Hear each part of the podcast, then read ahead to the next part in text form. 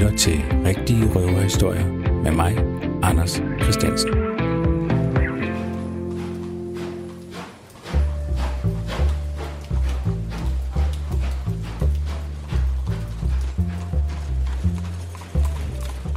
Det er ikke altid let at være homoseksuel. Det er det ikke i dag, og det har det heller ikke været før i tiden. I weekenden, der var der jo øh, Copenhagen Pride. Den så på grund af corona noget anderledes ud, end hvad den plejer at gøre. Og man hører altid, når der er det her Pride, øh, ytringer om, hvad, hvorfor det er nødvendigt. Hvorfor det er nødvendigt at blive ved med at, at, at fejre det, og på en eller anden måde markere eksempelvis homoseksualitet. Men det er måske meget godt lige at huske, at homoseksualitet faktisk stadig er ulovligt i 68 lande, ifølge Amnesty International. Og i, i 8 lande, der kan du blive dømt til døden for homoseksualitet. I Danmark, der har vi heldigvis et meget mere liberalt syn på homoseksualitet. Men sådan har det ikke altid været. Man skal faktisk ikke tage langt tilbage i historien, før det var meget problematisk i Danmark at være homoseksuel.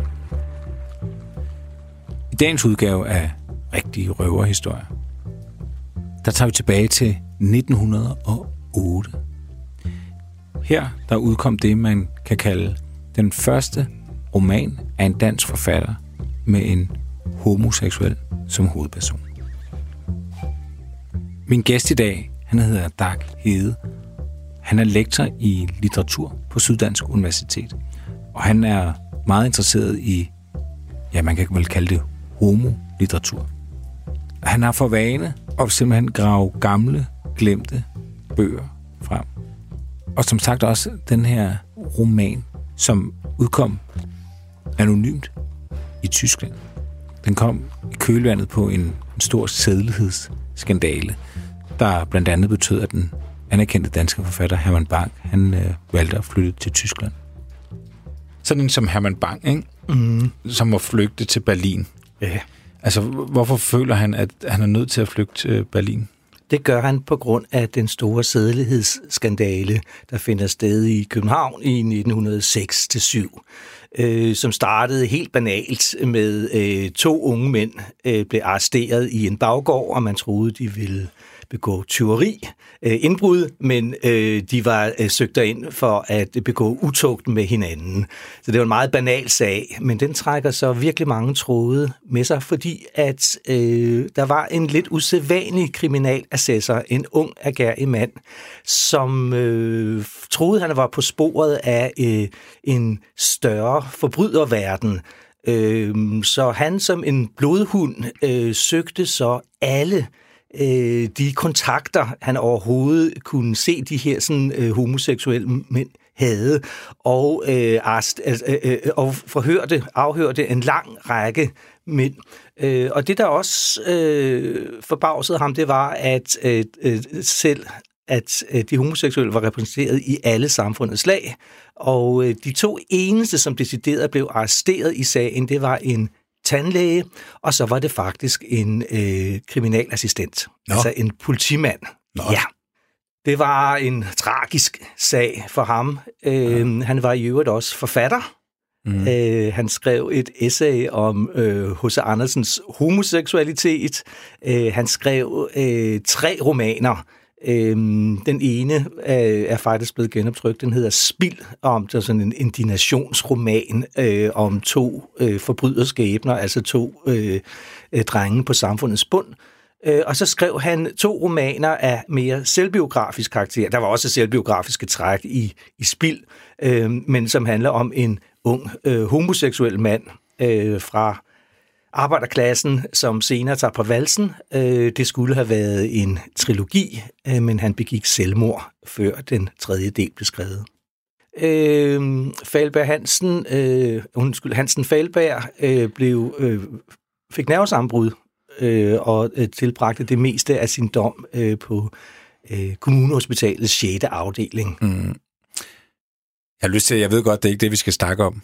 Men hvordan konkluderede han, at H.C. Andersen var homoseksuel? Ja, det gjorde han jo på grund af indicier. Øh, og hvad kan man sige, i H.C. Andersens forskning, der var, det, der, der var han virkelig en pioner. Øh, han skrev det her essay, og han skrev det på tysk, og det er også meget sigende, at der har ikke været øh, øh publikum eller forum for den slags tekster øh, i Danmark på det tidspunkt. Øh, han... Øh, Ja, det han, gjorde var sådan set banalt nok i med, nutidens øjne. Øh, han, han, han, han har jo ingen beviser, så det er jo noget pjat at kalde det bevis, men han har en masse indicier. Mm. Øh, og man kan jo sige, at H.C. Øh, Andersen har jo mange af de karaktertræk, der senere skulle karakterisere den, den nyopfundne størrelse, den homoseksuelle mand. Ikke? Altså, han er feminin, han er forfængelig, han er sladervogn, han er sensibel, han er kunstnerisk osv. Og så han, han svarer jo sådan til en, altså man skal jo sige, 1900-tallets typiske fiselette. og du, jeg, jeg har lagt mærke til før, øh, Dag, øh, også når jeg har læst noget af det, du skrev, du bruger ordet fiselette det må jeg sikkert ikke. Nej, det, ja, det ved jeg ikke noget om. men, men, men hvad er det for et ord? Fisilette er en øh, feminin homoseksuel mand. Mm.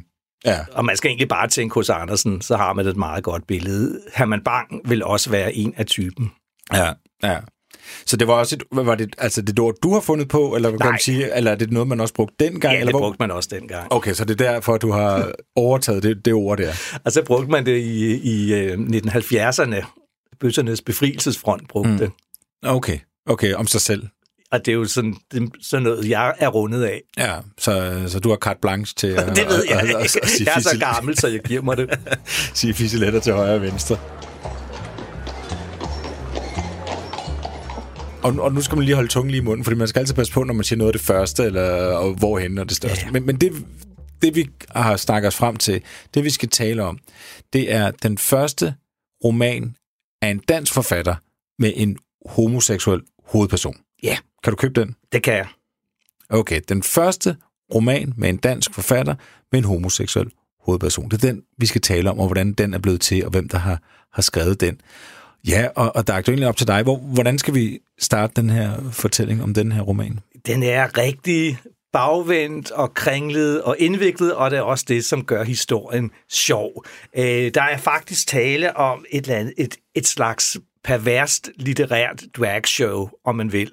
Der er tale om en heteroseksuel forfatter, en mandlig heteroseksuel forfatter, Karl Larsen, som mimer, han, man kan sige, han laver sådan en butaler-roman, øh, hvor han mimer en øh, feminiseret homoseksuel mand, som er kalkeret over hans gamle bekendtskab. Øh, en anden forfatter, der hedder Joachim Reinhardt, som er nogenlunde øh, samtidig med Herman Bang, men selvfølgelig ikke øh, blev kendt som Bang.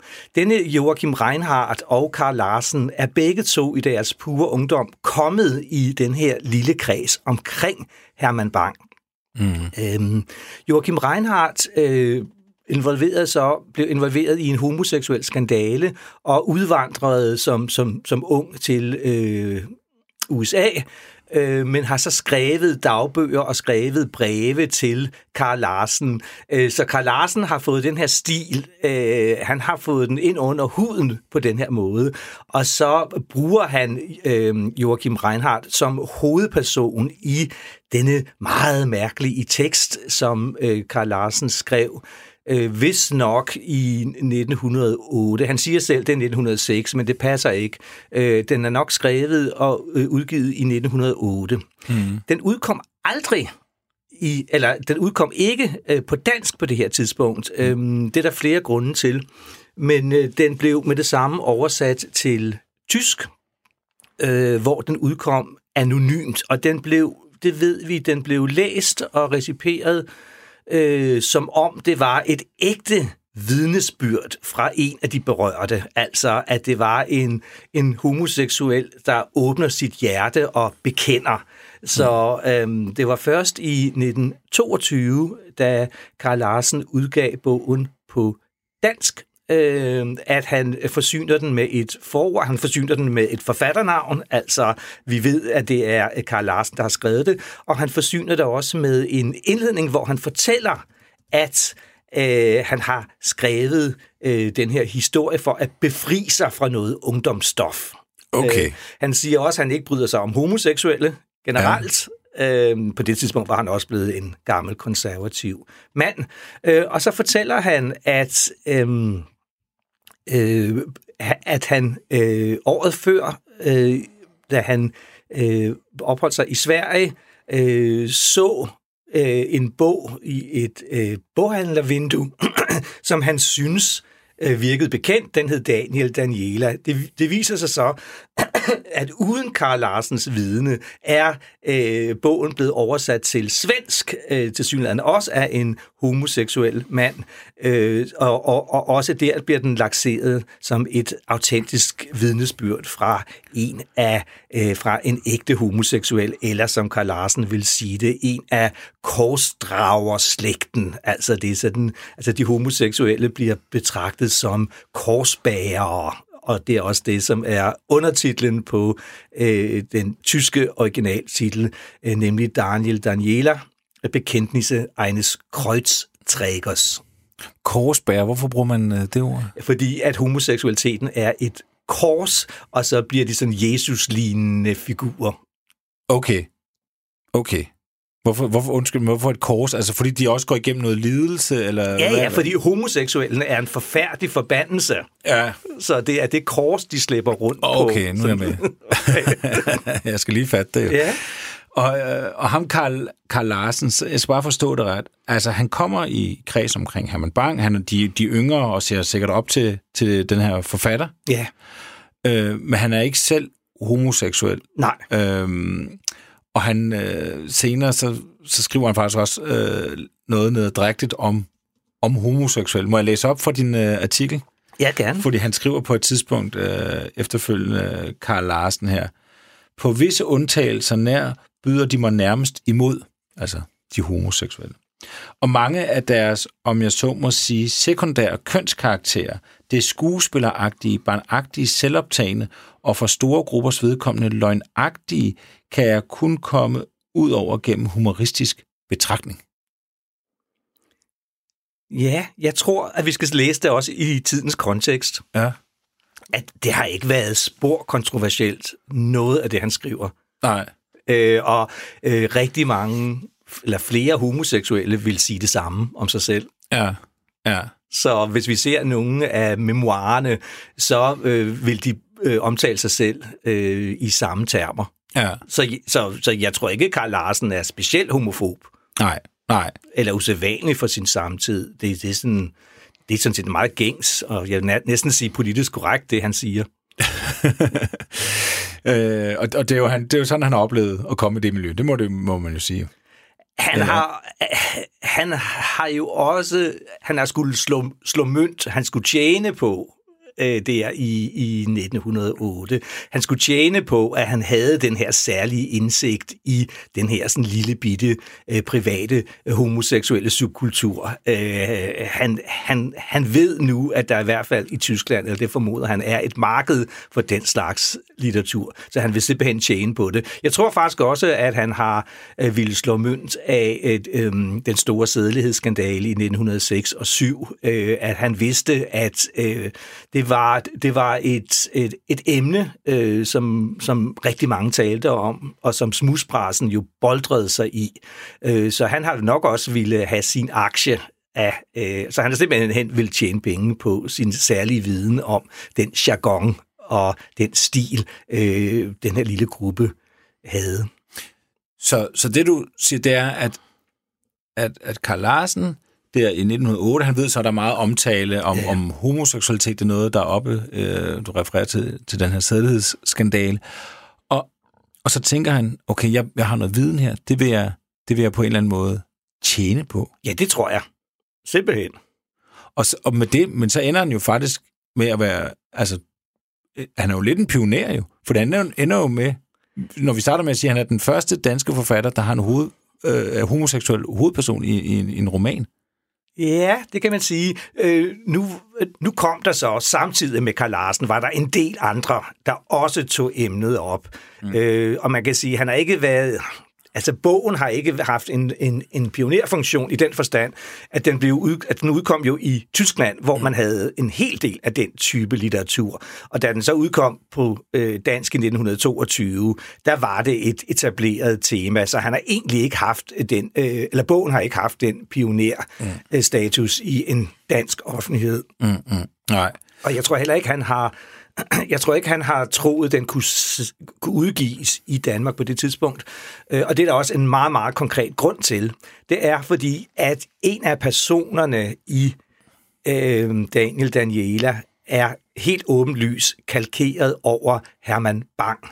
Øh, der er nemlig en forfatter, der hedder Hugo Kold. Og Hugo Kold er øh, cirkusartist, gal, øh, og han bliver beskrevet som øh, den, som burde have skrevet om homoseksualitet, men som ikke rigtig gør det. Øh, jeg kan øh, citere lidt, øh, hvad øh, Daniel Daniela skriver om denne Hugo Kold. Straks fra hans første novelle har vi alle set igennem hans forklædninger. De kvinder, denne forfatter skildrer som sine elskerinder, er ikke kvinder. Og den berusende erotik, som også almindelige mennesker sporer i hans stikning, er netop den lidenskab, der længe hemmedes, som kaldtes brødefuld, men nu endelig sprængte alle hensyn. Citat slut.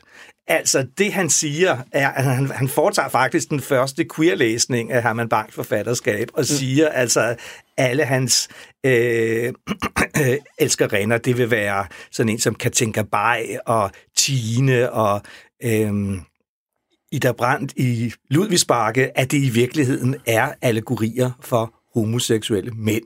Så mm. han var sådan set ret øh, nytænkende på det tidspunkt. Der skulle gå 100 år, før der var nogen, der tog den tråd op. Det var faktisk mig, der lavede en, en øh, homoallegorisk læsning af Herman Bangs kvindefigurer øh, i, den, i den bog, der hedder Magværdige læsninger fra 2003. Ja, ja. Så han er 100 år foran dig, altså? Ja, det er han.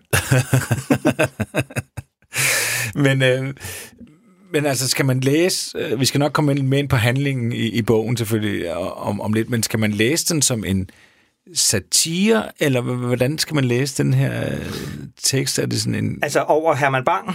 Jeg tænker hele romanen. Ja, altså den... Øh... Ja, hvad gør man med sådan noget pastiche? Hvad gør man ved, ved, ved den type butaler, tekster, Øh, den er vældig, vældig fræk, vil jeg også sige, fordi at allerede i starten, så leger den med sin egen øh, falske kunstige status.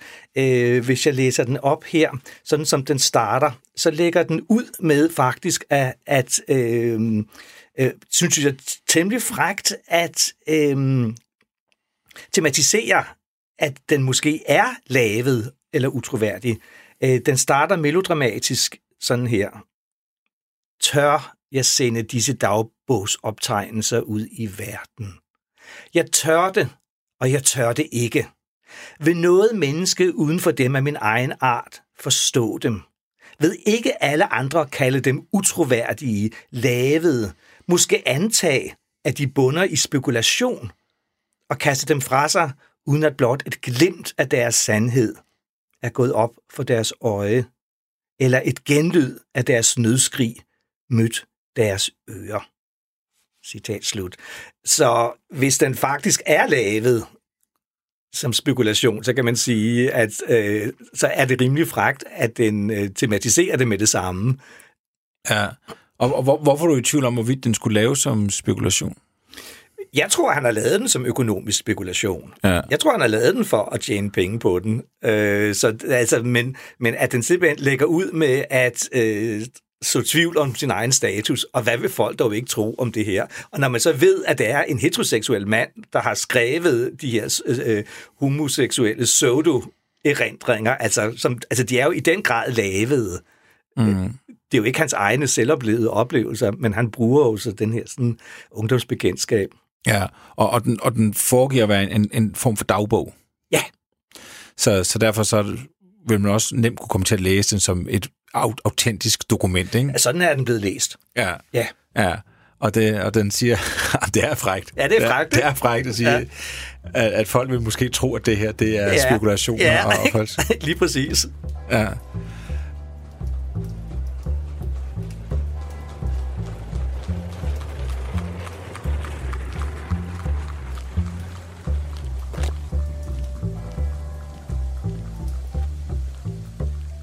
Skal vi ikke springe lidt til, til selve altså handlingen i, i den her roman, Daniel Dan, Daniela? Øhm, ja, og man kan jo gætte fra det, det er jo selvfølgelig øh, altså to versioner af, af det samme navn, men en, der normalt tilhører et, et, et hankøn, og den anden tilhører normalt et, et, et hundkøn, ikke? Jo.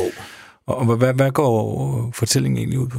Jamen, det handler sådan set om en øh, på mange måder øh, klassisk, typisk homoseksuel personage. Så, øh, og øh, Karl Larsen har også brugt mange øh, af de stereotyper, der øh, eksisterede omkring den homoseksuelle. Øh, og han indlægger faktisk også en lang række homoseksuelle skæbner, altså typisk homoseksuelle skæbner, der alle sammen selvfølgelig ender tragisk. Mm. Øhm, man kan sige, at øh, jeg synes, der er øh, to halvdele i Daniel Daniela. Den starter, den starter med, med at være en, en, en frak, munter skildring af den, af den glade Daniela, altså, eller øh, Daniel øh, omtaler sig selv øh, typisk som Daniela og i, i, i hundkøn i, i store dele af teksten, ja faktisk gennem hele teksten. Det starter med, at han er en livsglad, øh, fræk, øh, øh, munter mand, øh, som øh, nyder øh, sin egen ungdom og sin skønhed.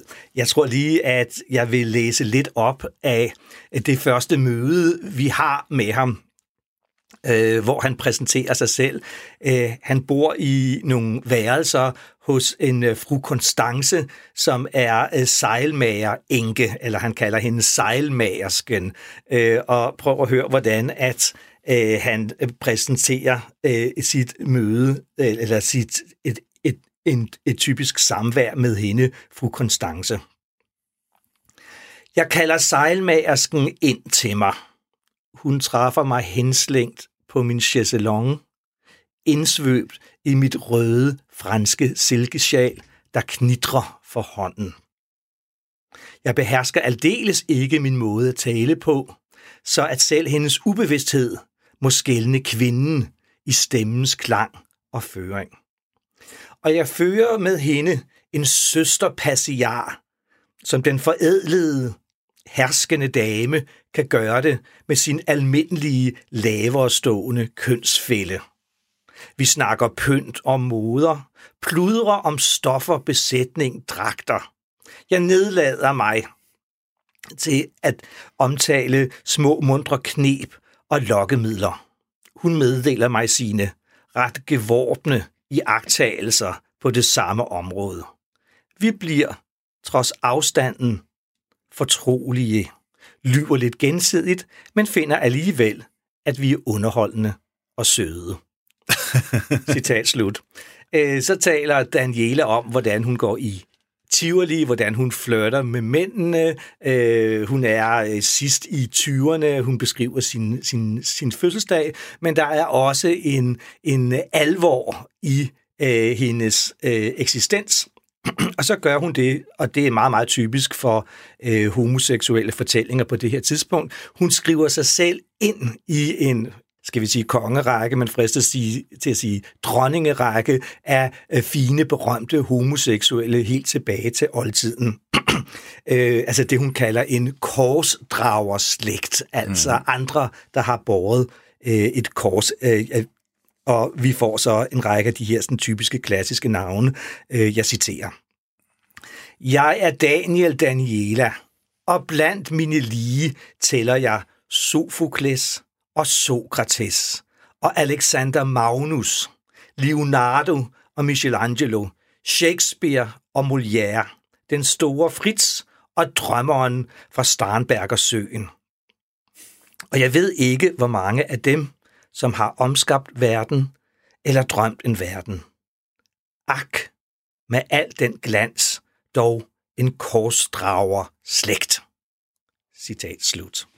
Det, der så sker, er, at øh, Daniela forelsker sig i en i sin ridelærer, øh, som er en militærmand, Axel, som hun hjælper øh, med øh, sin... Øh, han, han skal bestå nogle vanskelige eksamener, og øh, Daniel Daniela, som er forskningsbibliotekar, og han er også frivillig manuduktør og underviser. Øh, han har sådan en altruistisk side, øh, kaster sig så ud i øh, Axels videreuddannelse. Det går fint, så længe at hun ikke fortæller Axel, at hun bliver vildt, vildt forelsket i ham. På et tidspunkt, så går det imidlertid galt. Øhm, hun kommer til at røbe for denne Axel, at hun er forelsket i ham, og det sker på denne måde. Jeg citerer. Alt er forbi. Jeg er til intet gjort for livet. Jeg har ikke kunnet modstå. Jeg tilstod ham det. Åh, hvis jeg kunne købe æder tilbage i ord. Jeg skulle tralle hele mit liv for jer. Men intet kunne stanse æder. Axel var sprunget op. Jeg, jeg lå som i en tåge. Jeg så som i en tåge for mig hans ansigt med optrukte bryn. Jeg kunne ikke skjule mine ord. Jeg kunne ikke stanse mig selv. Som min vanvid ville jeg fagne hans knæ. Da greb han ridepisken. Jeg skreg. Jeg blev liggende på klæ og med hænderne for ørerne. Åh, havde han endda slået mig. Jeg længtes efter hans hånds svine piskeslag ned af min ryg. Men han bød mig kun. Stå op, tag deres hat, gå, som en kommando i tre tempoer. Værdigt alligevel mandigt. Citat slut. Så det var altså det melodramatiske opgør. Det er så omslaget til Daniela, øh, som igen med karakteristisk melodramatisk vis bliver beskrevet på den her måde. Daniela er nu enke. Jeg spørger ikke. Min tale, øh, min hele tilværelse er besjælet af denne ene følelse, båret oppe af den grundfæstede fornemmelse af, at jeg er enke. Men som det sømmer sig for en kvinde af min sager art, en enke, der aldrig ejede nogen mand. Citat slut. Så det, der sker med Daniela, er, at hun øhm, bliver øh, nærmest nonneagtig, opoffrende, altruistisk.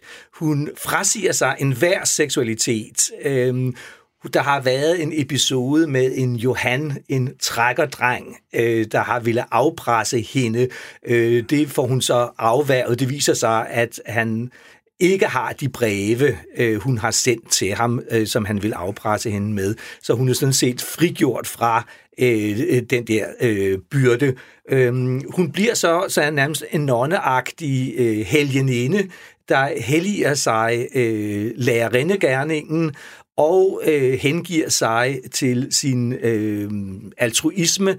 Øh, og øh, romanen slutter faktisk, og fordi den, den, denne slags tekster skal altid slutte med en form for død. Ja. Det er så ikke øh, Danielas død, men det er hendes mors død. At der var hun for første gang øh, familie øh, lige på lige fod med sine søskende ved morens dødsleje, og sådan slutter teksten. Mm. Er det en god roman? Øhm, den er sjov og interessant. Øh, den er jo også ond. Øh, så man har, jeg har det jo lidt dårligt med at læse den, fordi at øh, den der hjerteblod, som øh, Daniela udgyder øh, ved den her kærlighed til Axel, ikke? Mm. Øhm, vi skal jo... Vi, den er jo sjov. Vi griner jo. Mm. Altså, vi synes jo, at den der melodramatiske scene, og man kan sagtens se den for sig, ikke? Mm. Altså, hun, hun er jo udleveret til, til, til læserens komik, så jeg har frygt, frygtelig dårlig samvittighed. Også når jeg ved, at det er egentlig en homofob heteroseksuel, der har skrevet det her, så jeg har, jeg har det rigtig dårligt med at more mig over det, men det gør jeg nu alligevel. Ja, ja fordi, øh, ja, for det, det er rent nok. Altså, melodramaet er jo øh, altså det er jo helt op at ringe på de, på de store mm. øh, mhm. navler der. Men det er jo selvfølgelig også, der er jo meget øh, det er jo også tragisk. Altså, ja. Og han, hvis han latterliggør det, altså på en eller anden indirekte måde, det gør han vel? Eller hvad, hvad tænker du om? Ja, det gør han. Det gør han. Det, det, det, som jeg også kan synes er uhyggeligt, det er den øh, logik, som øh, alle de her homoseksuelle beretninger øh, er bygget op omkring. Øh, med et fint ord kalder jeg det for heteronarrativitet. Øh, og der mener jeg bare med det, at øh, i den her tids beretninger, hvis en homoseksuel karakter introduceres i et fiktivt univers, øh, så kan det her univers ikke gå op. Den kan ikke sluttes harmonisk, med mindre den homoseksuelle person typisk dør eller bliver elimineret. Mm. Så øh, den her heteronarrativitet er helt klart også på spil i Daniel Daniela. Fordi at hvis at Daniel Daniela, øh, efter at hun er blevet enke, eller efter det her opgør med Axel, der står hun i en moralsk og etisk korsvej, fordi at Johan vender tilbage, og hun kunne have kastet sig ud i det her farlige forhold til Johan, og han har endda en kammerat med, altså så hun kunne have dannet et forhold med en, med en ny trækkerdreng. Øh, og så ved vi, hvordan at øh, hendes skæbne var blevet. Øh, så var hun det havde hun aldrig overlevet. Så var mm. hun ikke kommet levende ud af teksten. Mm. Så man kan sige, at den eneste måde, Daniel Daniel Daniela kan slutte på som øh, tekst i det her, det jeg kalder det, det her heteronarrative plotlogik, det er, at hun resignerer fuldstændig og frasiger sig sin seksualitet og bliver øh, selvhadende, bedsteborgerlig, altruistisk. Ja, altså bare for at skære ud i pap, så jeg fatter det. Det du siger, det er, hvis der er en homoseksuel seksuel karakter, og det er jo langt op i tid, altså, ja. så, er det, så er det i dramatisk set et et problem. Det er en, altså, det, ja. det, er en, det er en ulykkelig karakter, eller det er i hvert fald noget, der skal løses. Det kan ikke bare være en homoseksuel karakter, der tilfældigvis er politimand og laver noget andet. Det, det skal problematiseres, homoseksualiteten ja, i, i og, fiktionen. Ja, og fiktionen kan ikke slutte Nej. Øh, på en ordentlig måde, med mindre at den homoseksuelle karakter i bedste tilfælde øh, rejser bort eller resignerer, men i langt til, i fleste tilfælde øh, dør, enten ved selvmord eller en ulykke. Så man kan sige, at altså hele det 20. århundrede øh, populærkultur er simpelthen karakteriseret ved en lyst til at se, eller en nødvendighed til at se homoseksuelle karakterer dø. Mm. Og det har faktisk varet helt frem til, jeg vil sige, 1980'erne, 90'erne. Man kan sige, at det var AIDS, der øh, gjorde, at det ikke længere var sjovt at se homoseksuelle dø, fordi de faktisk gjorde det i realiteten. Ja, ja. Så man kan sige, at den her sådan, øh, heteronarrativitet øh, med de døde homoer, øh, den varede helt frem til, at øh, AIDS øh, tog livet af øh, den logik. Mm.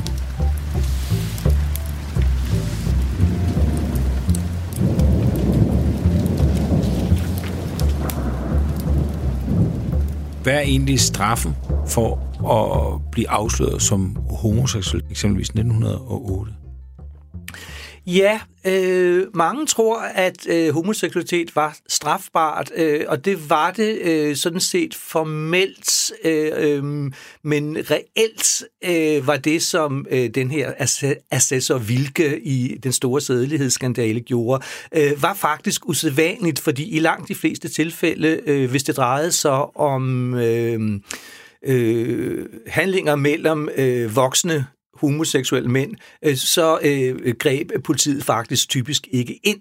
Mm. Øh, så øh, den, den største forfølgelse, det her har egentlig været skandale og øh, afsløring, kan man sige. Juridisk set øh, blev øh, homoseksualitet, og vi taler altså kun om homoseksualitet mellem mænd, for homoseksualitet mellem kvinder har aldrig været strafbart i den danske øh, øh, straffelov, øh, blev faktisk øh, de facto afkriminaliseret i 1912. Mm. Altså i praksis øh, greb politiet ikke ind, hvis det drejede sig om voksne mænd. Øh, i, det, det blev først decideret øh, gjort straffrit i, ved, ved, ved straffelovsændringen i 1930, øh, der trådte i kraft i 1933. Men så, så man kan sige, at homoseksualiteten har været i sådan et, øh, i en form for juridisk gråzone, hvor at det i princippet ikke var tilladt, men i praksis greb politiet ikke ind, med mindre det drejede sig om øh, unge mænd under øh, øh, øh den juridiske øh, lavalder.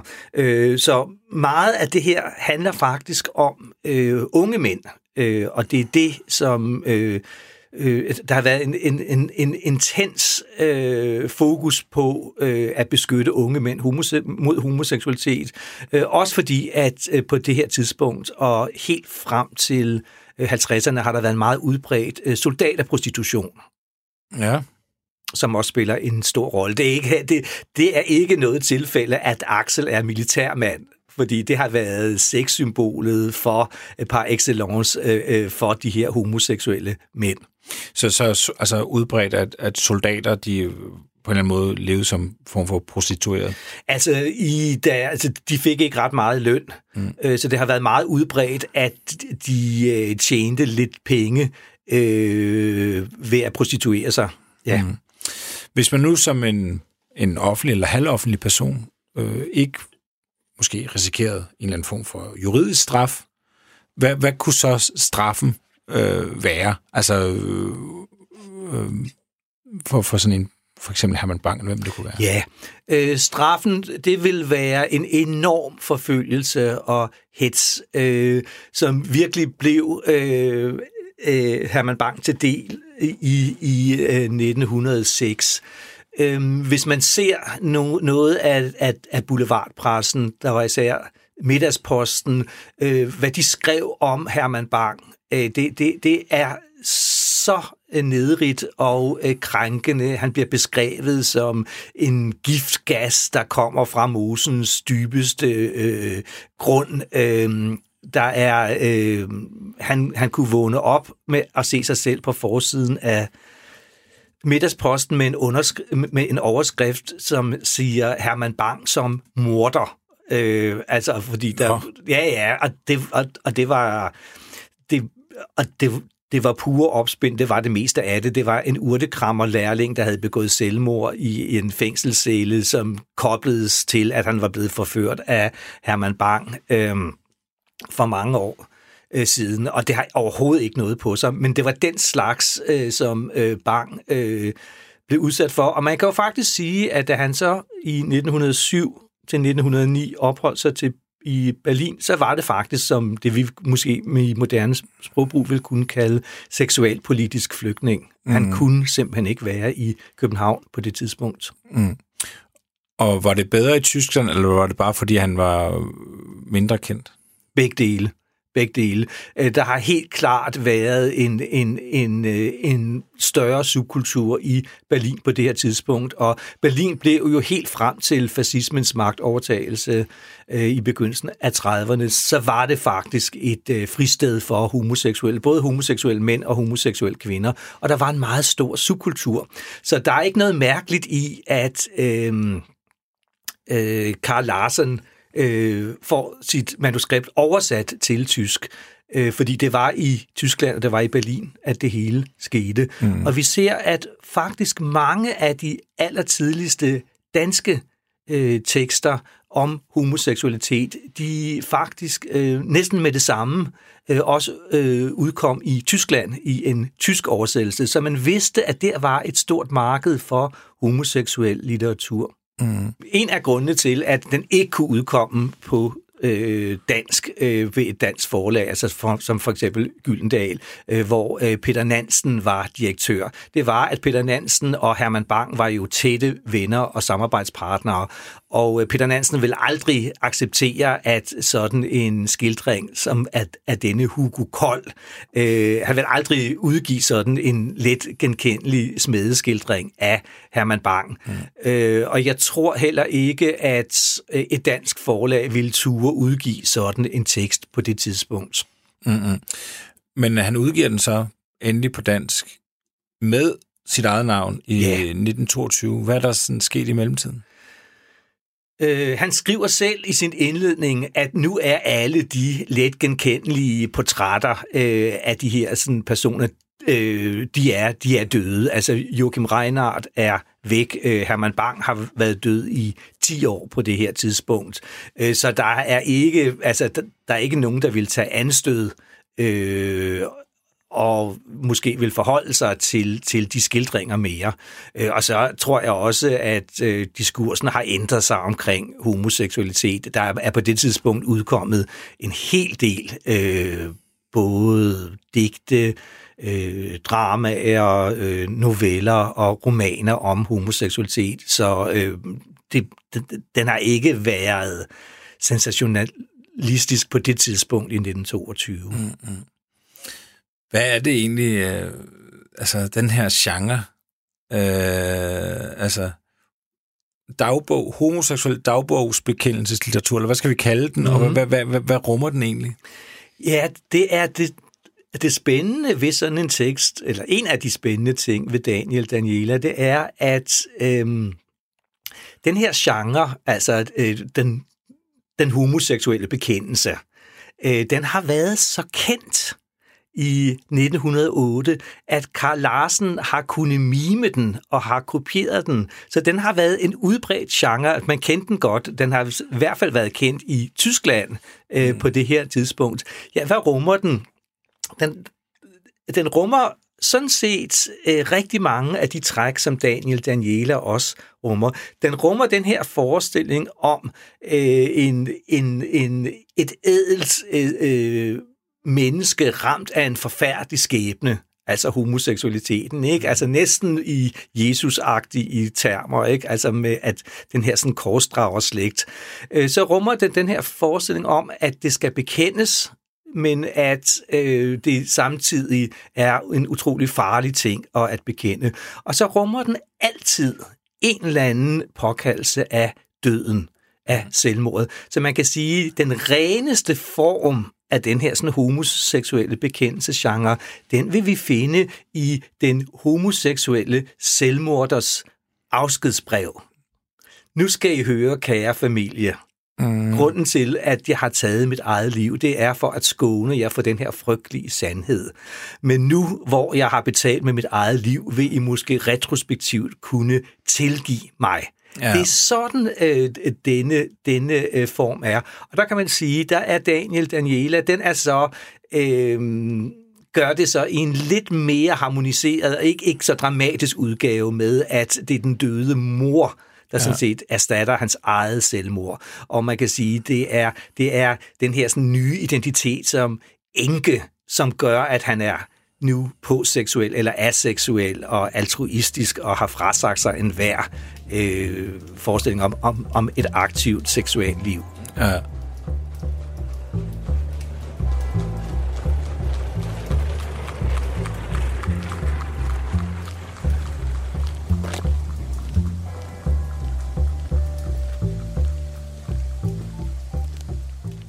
Altså, det er, det er måske et dumt spørgsmål, men hvordan skal man tolke det her med, at, at ofte så er det, øh, altså den rene form, det er en, en form for selvmordsbrev efter en erkendelse. Yeah. At det, skal man tolke det som om, at man som homoseksuel på den tid var på selvmordets rand, øh, eller var det fordi, det var et stort, altså for melodramaets skyld, eller hvordan skal man, hvordan tolker du det? Jeg tror, det er begge dele. Jeg tror, det er begge dele. Jeg tror, der har været en eller anden pervers logik i, at homoseksualitet er naturens fejl, mm. øh, som så den enkelte lider under, men man be- betaler sin pris tilbage til menneskeheden øh, mm. ved at tage sit eget liv. Altså som en eller anden altruistisk forestilling om, altså at det er det gode for almenvældet. Herman Bang skriver i 1909, eller dikterer et essay, øh, øh, gedanken som seksualitetsproblem, også i, i Berlin, i Tyskland, altså tanker vedrørende til seksuelle spørgsmål. Det gør han til sin læge, øh, Max Watzbutski, i 1909.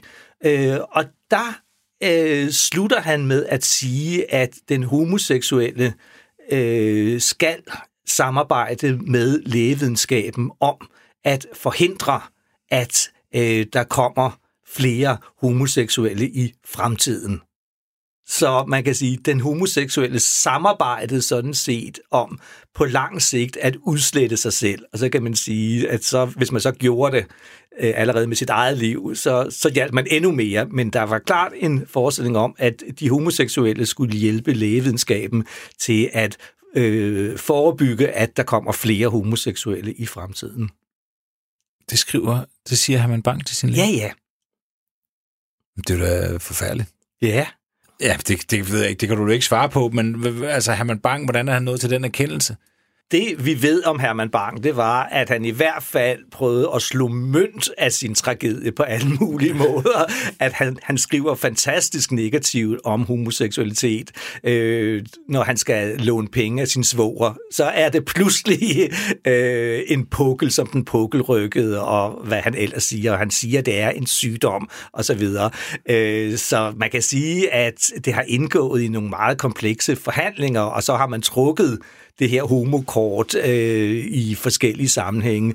Øhm, ikke, men selvfølgelig, øh, jeg tror, at de fleste homoseksuelle på det her tidspunkt, øh, det er meget, meget sjældent, at man ser forestillinger øh, om homoseksualitet som ikke en form for tragedie eller kors. Øh, mm. Øh, det finder du faktisk først, vil jeg sige, i midten af forrige århundrede øh, har vi de første mere positive skildringer af homoseksualitet. Men hvordan hænger det sammen med, øh, når du laver den der, øh, det gør du ikke, men øh, Karl Larsen skriver den her, øh, hvad var det, du kaldte, øh, slægt, Korsberg-slægten, ja. og der trækker tråde tilbage til, til grækerne, som jo havde øh, et meget mere åbent forhold til homoseksualitet.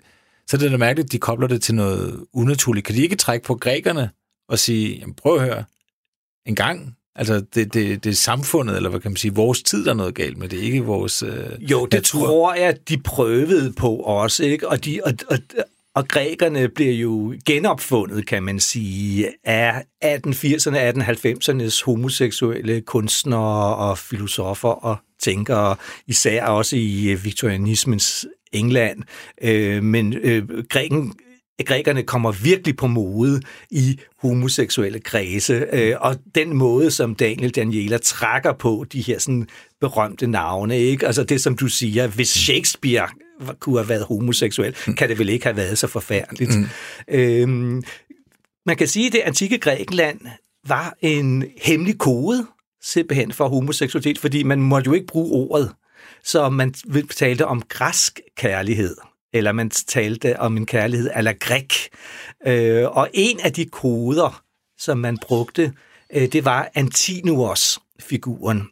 Antinuos var den romerske kejser, hadriansk øh, øh, græske elsker, øh, som døde som kun øh, 21-årig, og øh, Hadrian lavede en kult omkring Antinuos. Så øh, en, en særlig kode er hver gang, at der dukker noget om Antinous op, øh, så øh, er det ofte simpelthen øh, en omskrivning for homoseksualitet. Øh, og hvis man var en kultiveret homoseksuel øh, åndspersonlighed, så havde man på sit skrivebord en byste af Antinous. Så det var så altså en stille tilståelse. Øh, det havde Herman Bang selvfølgelig øh, på sit kollegium i øh, på, på øh, Waldendorfs-kollegiet, og det havde hans hovedperson, øh, Bernard Hoff i Håbløse Slægter. Han har også en byste af Antinus stående. Senere så, øh, ville man, så brugte man Herman Bang som kodenavn for homoseksualitet. Ja. Altså, han var ligesom Herman Bang, eller det var en bang. Øh, så er det en hensynning til det unævnelige, som man så simpelthen brugte øh, øh, bang som nærmest navneord for. Karl, øh, Karl Larsen, hvordan skal vi øh, slutte historien om ham? Han var ikke nogen fin fyr. Øhm, Karl Larsen har været pro-tysker. Øh, han kommer fra øh, Slesvig, fra Randsborg, fra en militærfamilie, og han blev stadig mere tyskervenlig, øh, især under øh, Første Verdenskrig man kan sige, at han var heldig, at han ikke overlevede nazismen og fascismen, fordi så tror jeg nok, det var der, at vi ville finde ham.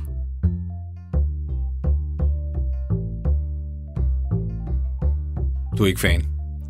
Ja og nej. Jeg synes, at han gør det godt med Daniel Daniela. Ja. Trods af, at det, det er et, fupnummer. Jamen, måske netop derfor. ja, det kan selvfølgelig være.